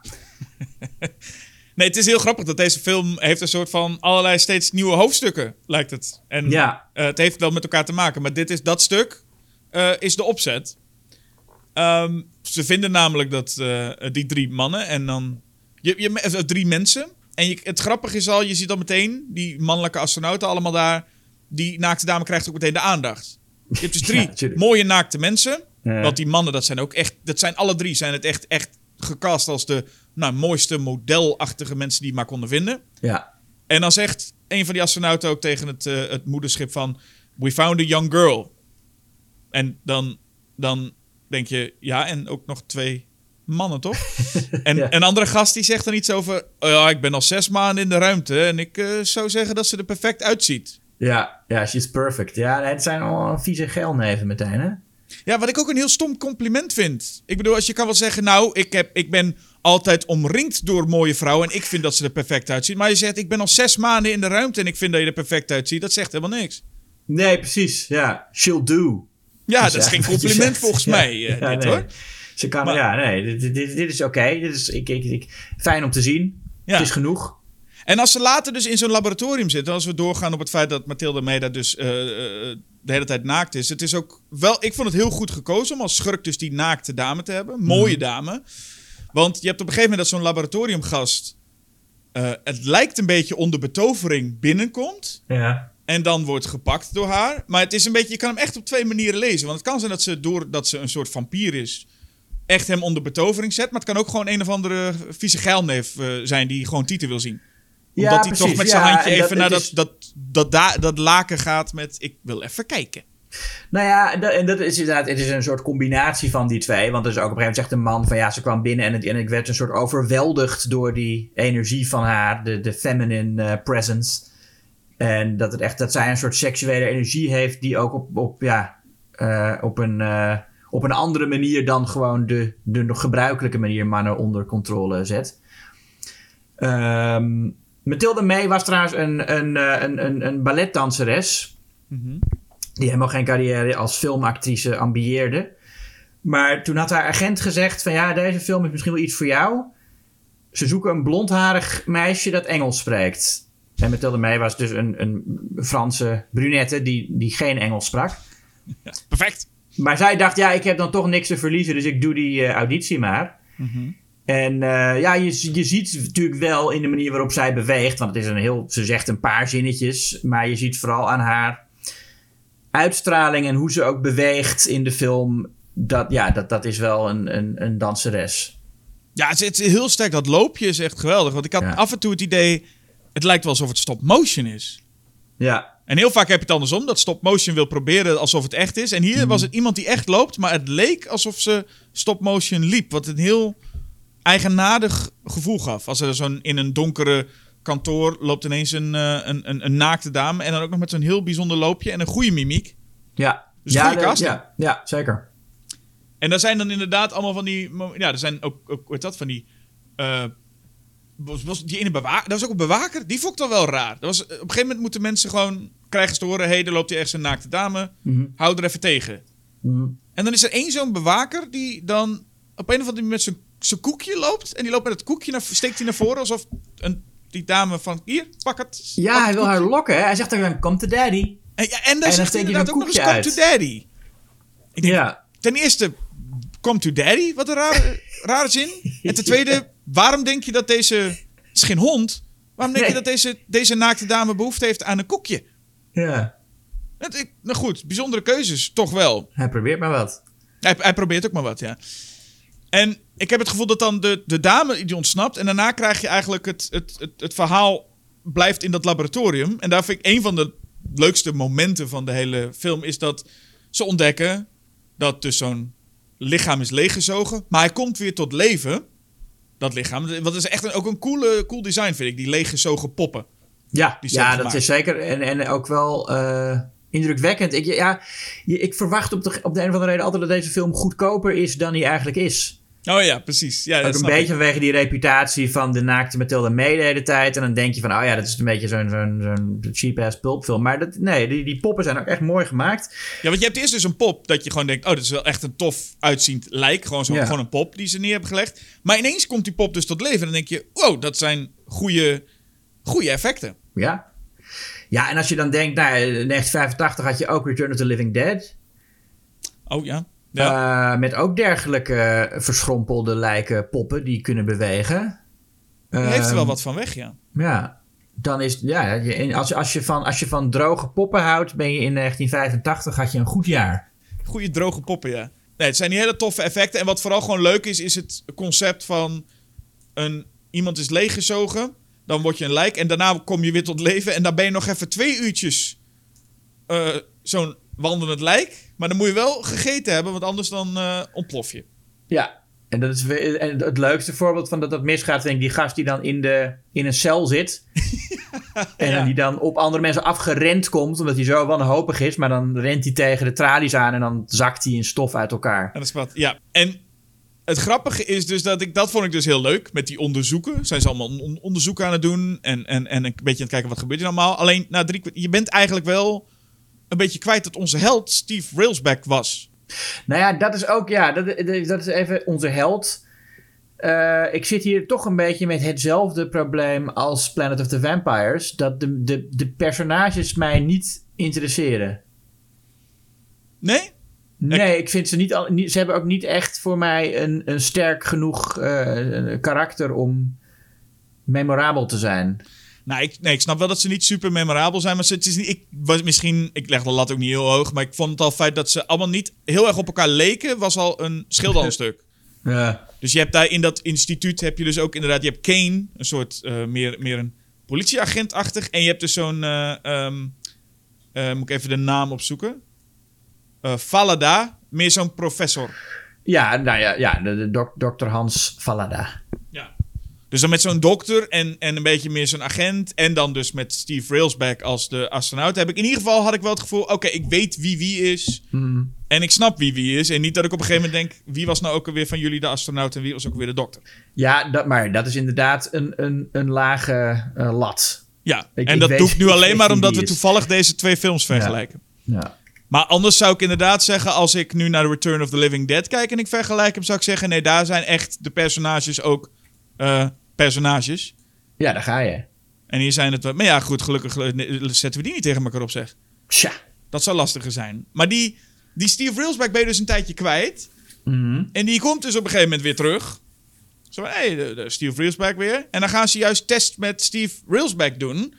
En dan is er ineens het Steve Railsback eh, eh, hoofdstuk begonnen. Waarbij je inderdaad Mathilda May weer helemaal vergeten bent. Maar op een gegeven moment denken ze de, de, de, de schurk weer, de Space Girl, gevonden te hebben. En dan gaan Ja. ze naar het gesticht van Dr. Armstrong. Yes. En dan zien we ineens, nou ja, Patrick Stewart, ja. Patrick Stewart voor Star Trek nog, hè? Is dat zo? Is dit voordat hij in Star Trek zat? Ja, volgens mij net voordat hij in Star Trek zat. Ik, ja, ik, heb, ik ben geen Star Trek-kenner, dus ik weet het niet. Maar dat... oh, oh, ik ook nou, niet, maar dat kon ik wel opzoeken. Ook zelfs als niet Ja. Star Trek kenner kon ik het opzoeken. Nee, ik, ik ging er eigenlijk vanuit dat hij, dat, dat, dat hij wel al bekend was van Star Trek. En dat het daarom ook een, een, een, een soort leuke, eh, eh, bijzondere bijrol was. Nee, het was gewoon een. We, we- het is gewoon, we hebben hier een acteur. Ja, wauw. Zo, zo, dat idee heb ik in We ieder hebben geval. hier Maar een acteur, ja. we hebben hier gewoon een acteur en, en geen idee wat je in huis hebt nog. Ik vond het ook heel. Het is ook heel geestig als je naar Life Force kijkt. Want op een gegeven moment is, blijkt de, de Space Girl in Patrick Stewart te zitten. Ja. En ik vind het heel grappig om Patrick Stewart heel erg te zien schreeuwen. En heel erg te zien. Omdat hij speelt natuurlijk daarvoor. We kennen hem voornamelijk van, van die hele kalme personages. Ja. Dus hier om ineens zo'n scène te hebben waarin hij op een, op een, op een, op een stretcher ligt. en daar eh, onge- echt de, de long uit zijn lijf aan het gillen en schreeuwen is. Vond ik heel grappig, want dat ken ik helemaal niet van, van, van Patrick Stewart. Nou, hij, kon, hij, kon, hij kan wel go- een mooie, goede, harde stem opzetten. Maar het is inderdaad wel... Hij is nooit zo hysterisch. Nee, dat is het. Het is dat hysterische Ja. wat dat je helemaal niet bij hem eh, Ja. kent. Goh, ik, had, maar ik, had echt, ik zat echt deze film te kijken met het idee van... Hij zat al in Star Trek en is daarom is dit dan... Is, is hij hier de, weet je wel, de, de twist bad guy eigenlijk. Ja, Ehm, precies. Maar, eh, nou, leuk. Eh, Ja, hij is natuurlijk...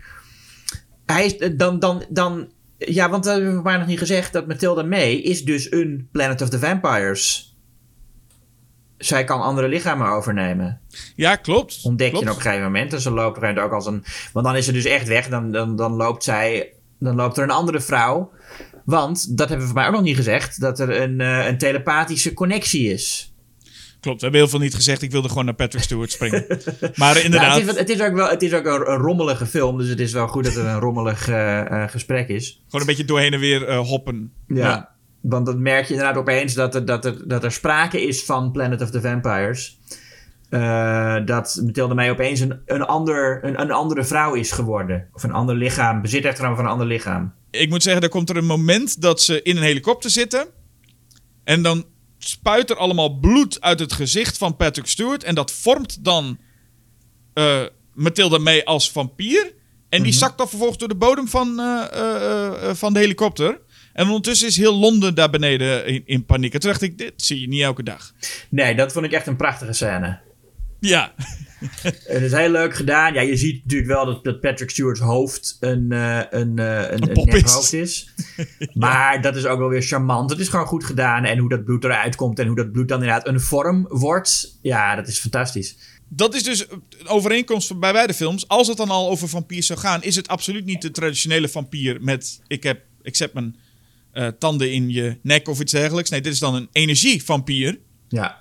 Dus zij is een soort Colin Robinson van eh, What We Do in the Shadows.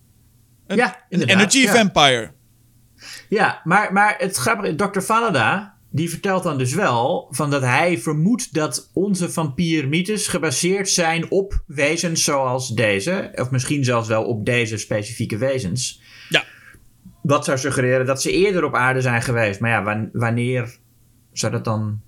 Hadden zij dan zelf ook een ruimteschip waarmee ze gekomen zijn? Of... Ja? Mis- misschien zijn ze met Mark van Planet of Vampires meege- meegereden. Misschien zijn, het da- zijn dat ze al gewoon. Het zou best kunnen. Zo.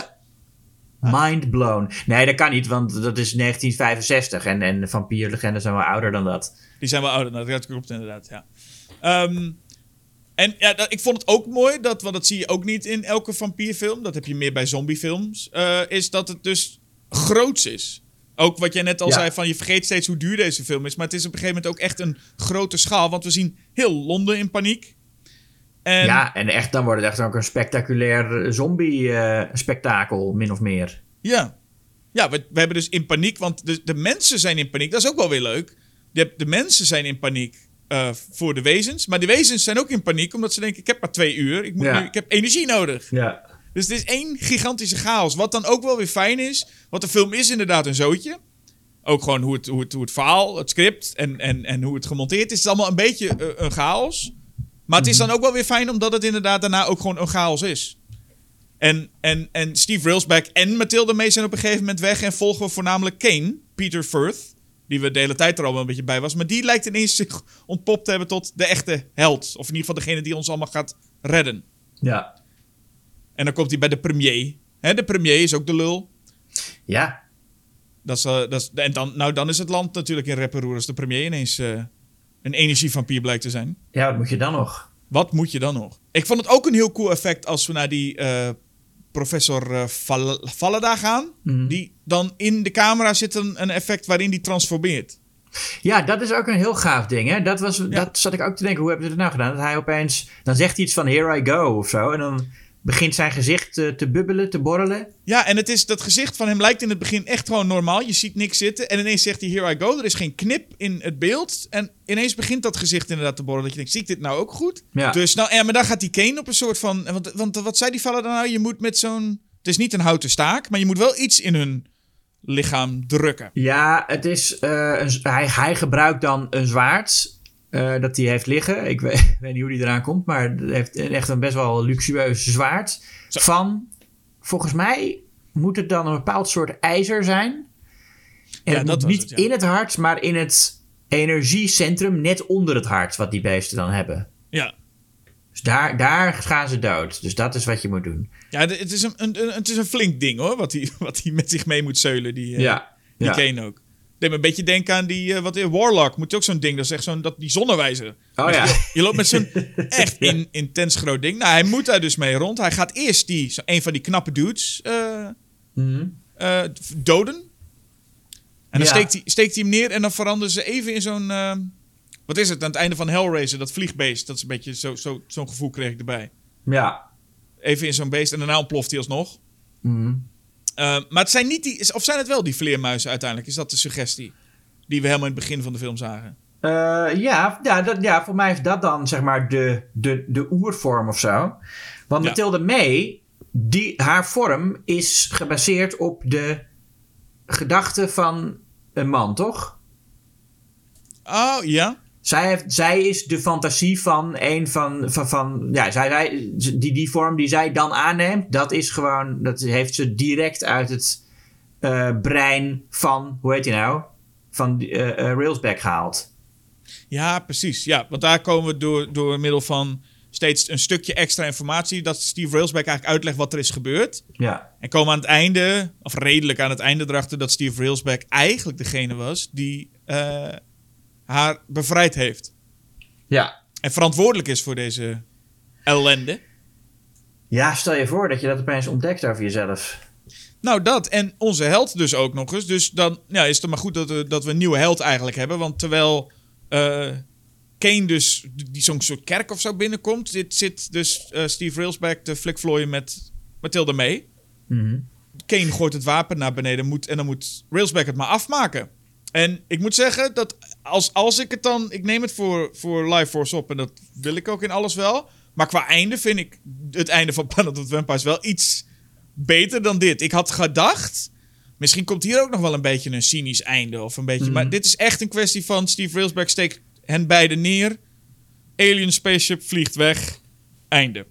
Ja. En ik ja. vind het heel geestig dat deze film juist met een wat veel optimistischer alles komt toch nog goed einde komt. In plaats van Planet of the Vampires. Ja, dat is waar. Je, je hebt trouwens nog wel, zat ik te denken, iets wat deze film heeft, wat eh, ook van, van eh, nou, ik weet niet of het per se van invloed is geweest, maar dat zou je wel denken, van de blauwe straal. Die eh, naar, de, naar, de, naar de lucht. Een, een Oh. blauwe straal van de grond tot aan de lucht. Wat je rond 2012 in elke superheldenfilm zag. En dan zegt Steve Railsback, die ziet dat. Die zegt, weet je wat erin zitten? Zielen van mensen. En dan vraagt iemand, hoe weet je dat? En zegt, ja, dat voel ik. Het is wel zo'n soort film. Nee, het, ik bedoel, het is ook logisch dat hij dat voelt. Want hij heeft dus die telepathische connectie. Sure. Maar het is inderdaad wel zo'n film waarin je voortdurend denkt... Oké, nou, oké, vooruit. Uh, dat gaan we doen. Ja, ja, ja, je moet heel veel gewoon pikken. Ja, en het is, wat ik zeg, het is een rommeltje. Met voortdurende plot. Ik denk dat daarom dat ik het ook altijd een beetje vergeet. Wat er nou allemaal gebeurt in de film. Omdat het zo eh, soms bijna willekeurig lijkt. En dan zitten ze weer in zo'n helikopter. En dan is er weer eh, van alles aan de hand. En dan, moeten ze, dan is het bloed waar zij dan uitkomt. En het is ja, echt een film met van... Oké, en, en dan gebeurt het. is een soort droom eigenlijk die je dan hebt. En, uh, en, en, en, het, is, en het is wel uh, heel vermakelijk om dat allemaal te zien. Maar ik vind wel, nogmaals, dat ik, ik wou dat er wat leukere personages in zaten dan hier. Want ik heb geen van die mannen interesseert mij echt. Ik bedoel, ja, Dr. Hans Vallada is wel, is wel leuk. En, en Patrick Stewart is natuurlijk leuk. De dokters zijn eigenlijk leuk. Vanwege hoe die rol gespeeld is. Ja. Maar onze helden vind ik geen boeiende personages. Nee, ik ben het met je eens. Kane en, uh, en Steve Railsback, dat zijn uh, niet de leukste personages. Ik moet zeggen dat de film, wat je net ook schetst, ik denk dat de film voelt voor mij ook wel bijna als een soort antologiefilm. Bijna met, verschillende hoofdstukjes. Er is wel een kapstok. Ja. Uh, nu komt er dit, ja. Maar je hebt op een gegeven moment dus een soort van space verhaaltje. En je hebt in een laboratorium een verhaaltje. En je hebt een soort apocalyptisch ding. Mm en het voelt ook echt alsof het gewoon losse hoofdstukken zijn. Uh, maar ze hebben wel een overkoepelend verhaal. Ja, nee, maar dat, dat maakt natuurlijk ook wel heel gaaf. Dat het, dat het gewoon, het is gewoon, ja, je, je gooit alles wat je kunt verzinnen, gooi je in die film. Ja. En, uh, en je zou ook niet per se verwachten dat het als het begint met zo'n, met zo'n epische opening, zou je ook niet verwachten dat al die dingen gaan gebeuren. Ja. ja. Dus nu heb je al gezegd, uh, Julius, dat uh, Life Force net als Planet of the Vampires heeft uh, niet zulke hele fijne personages. Hmm. Maar wat is dan de reden, zou jij zeggen, waarom je dan Vamp Planet of the Vampires behoudt? Ja, het is een lastige. Kijk, ik vind het allebei geen meesterwerken. Ik, ik zou zelf, ik vind eigenlijk Life Force leuker. Maar ja, het is helemaal het concept van, het concept van deze podcast dat wij uh, het met elkaar oneens gaan zijn. Ja. Dus uh, heb ik. Nou ja, kijk, kijk, wat ik ten eerste over Bava wil zeggen, en dat is iets wat je al aan de uh, video hoes zou kunnen zien. Uh, die van Bava is onder de 90 minuten. En ik hou van films onder de 90 minuten. Mm -hmm. En Life Force is met uh, in de internationale versie twee, bijna twee uur. Toch wel erg lang voor wat het is. De oorspronkelijke Amerikaanse bioscoopversie was 100 minuten. En de, en de internationale versie was 116 minuten, om precies te zijn. en een paar seconden. Um, 101, 116. Maar ja, dat is toch wel echt een beetje lang voor wat deze film uiteindelijk is. Uh, uh, en als je dan zo lang ook met die best wel saaie mannen opgescheept zit. Er zitten echt wel momenten in dat ik denk van nou kom op. Beetje, vooral als ze een beetje in die helikopter maar zitten. denk ik ja kom, kom eens uit die helikopter. Ga eens uh, even, even vaart maken. Ja. Maar ja, nee, maar goed. Kijk, natuurlijk is het een film die je gewoon moet zien. Want er zitten ontzettend veel bizarre uh, uh, schouwspelen in. Zeg je dat zo? Schouwspelen? Van mij mag je het zo zeggen. En, maar, nee, maar ik, moet, ik moet dus nog over, over. Nee, ik heb nou alleen maar gezegd dat die van Bava korter is en daarom beter. Nou ja, nee, maar ik vind dat, dat ook wel een film die. Nou ja, die voor zo'n zo'n kleine film. Uh, qua, qua opzet en qua budget. En je ziet, ja, het is gewoon echt een film waar je 100% ziet dat, het, dat je gewoon in een soort. Op, in, in, een studio zit met, met een vrij klein, uh, goedkoop decor. Uh, is het toch een film die een enorme invloed gehad heeft. Uh, misschien ook wel op Star Trek, maar sowieso op Alien. En ook, ja, ook daar, op, op Life Force hoogstwaarschijnlijk. Um, en op Prometheus. En nou ja, dat is, dus het is wel een film waarmee Bava zich uh, internationaal als invloedrijke regisseur heeft bewezen. Um, en het is, ik vind het een ontzettend sfeervolle film en een ontzettend mooie film. Het, is, het geeft je echt een beetje het gevoel van die oude EC science fiction comics uit de jaren 50 ik denk niet dat die stijl ooit uh, helderder in een film is gereproduceerd dan daar. Dus dat, dat is mijn uh, verdediging van Bava. Nou, je zou het einde nog kunnen noemen als je het vindt. en het einde is beter. Ja, hallo. Ja, dat, uh, dat vind ik absoluut ook. Het is voor mij redelijk simpel om te zeggen dat Life Force wint. En um, dat heeft te maken met. Ja, op zich een goed punt. Ja, de een is korter. Alleen, ik heb dus bij Life Force iets minder het gevoel. Af en toe wel hoor, dat hij iets, iets wat. eh, dat je denkt, nou kom nou, ga er maar door. Maar dat heb ik bij eh, Planet of the Vampires, die een stuk eh, korter is, juist nog veel meer. Want het hele middenstuk van Planet of the Vampires is voor mijn gevoel. God, dan zagen ze weer iets, maar iemand viel weer flauw. En dan zagen ze weer iets, maar iemand viel weer flauw. En wat gebeurt er nou eigenlijk? En ja, dat maar is juist. toch, het, is, het is toch wat dat betreft een heel ander soort film. Planet of the Vampires is echt een soort hangfilm waarin je gewoon in die sfeer gaat zitten. Ja, ja, maar juist bij die film had ik het gevoel. Doe maar ietsjes meer. Want Hmm. de hele tijd maar rondlopen in, die, in dat ruimteschip. Daar, daar was ik op een gegeven moment wel klaar mee. Ook juist omdat de personages niet zo boeien. Dus in, bij, bij beide heb je te maken met personages die niet super boeien. Bij de een gebeurt er in het middenstuk een hoop niks. Een hoop rondlopen met die personages. En bij Life Force krijg je dus een heel stuk over. met hele coole poppen. eh, ont- die, die ontploffen en die energie nodig hebben. En een hele toffe eh, hoofdschurk. In de vorm Ja. van Matilda May. Dus eh, er gebeurt veel meer. Er gebeuren hele gekke, bijzondere dingen. Dat is ook waarom ik voornamelijk van het genre hou. Is je ziet zoveel dingen waarvan je denkt... Dit zie je niet elke dag. Dat is zo fijn. En eh, nee, daar, daar waardeer ik Life Force dus het meest eh, voor. Ja, nou ja, dan is de vraag nu natuurlijk wat de luisteraar vindt. Ja, Zeg het maar, zeg het hardop. Eh, dan horen wij het misschien. als je het over eh 3, 2, 1... Oh, Oh, oké. een verrassende keuze. Ik had dat niet gezegd, maar oké. Nou, apart. Ja. Ehm, dat is een beetje Bert en Ernie, hè? Die deden het ook altijd. Dan moet je je naam zeggen. Ja, ik ben heel benieuwd hoeveel mensen dit uiteindelijk hebben gedaan. Ik, ik, denk, ik denk best wel wat. Ehm, gok ik. Maar eh, eh, niet getreurd. Eh, want volgende keer hebben we weer gewoon een aflevering waar we ook over films gaan praten. Die we tegen. Nee, niet, niet letterlijk volgende keer, maar de keer daarna. eh, hebben wij dus met, met weer een aflevering waar we ook twee films tegenover elkaar gaan zetten, Jasper. Ja, dat klopt. Dat vertel jij mij nu. Of aan de luisteraar. Al, eh, aan iedereen. Aan iedereen. Iedereen die het maar horen wil. Ja, als je dit dus heel leuk vond. de volgende Julius Vers, Jasper. Dan gaan we op de Vincent Price Tour. Oeh.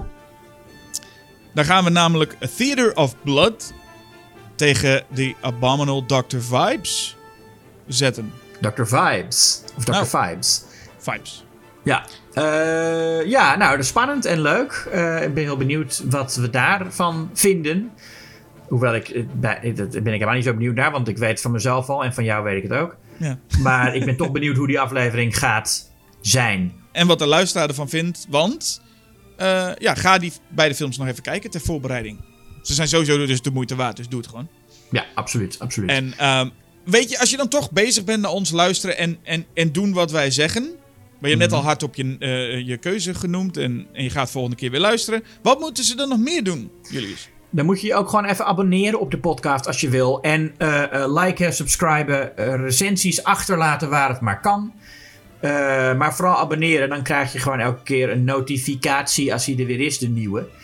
Eh, in welke app je ook maar luistert. Ehm, wat er verder nog moet gebeuren is, je moet een abonnement nemen op ons blad, op ons tijdschrift Schokkend Nieuws. Het is gewoon een fysiek tijdschrift dat je kunt lezen. Bladzijde voor bladzijde. En eh, daar nog bovenop geldt ook dat je naar onze website moet, schokkendnieuws.nl. Genoeg te doen. Ja, je, het is veel werk, maar je doet het nou maar gewoon even. Je bent, ik bedoel, als, het, als je het even doet, even vijf minuten, dan is het maar gebeurd. Ja, en dat vijf sterren aan onze podcast uitdelen, dat is één keer maar, hè? Je doet één keer vijf sterren, je klaar. Ja, je, je, mag het ook, je mag ook met andere accounts nog vaker dat doen hoor. Maar eh, in principe is één keer genoeg. In, in principe is één keer, daar zijn we al lang blij mee. Want die vijf sterren, ja, dat, dat, dat doet ons wat.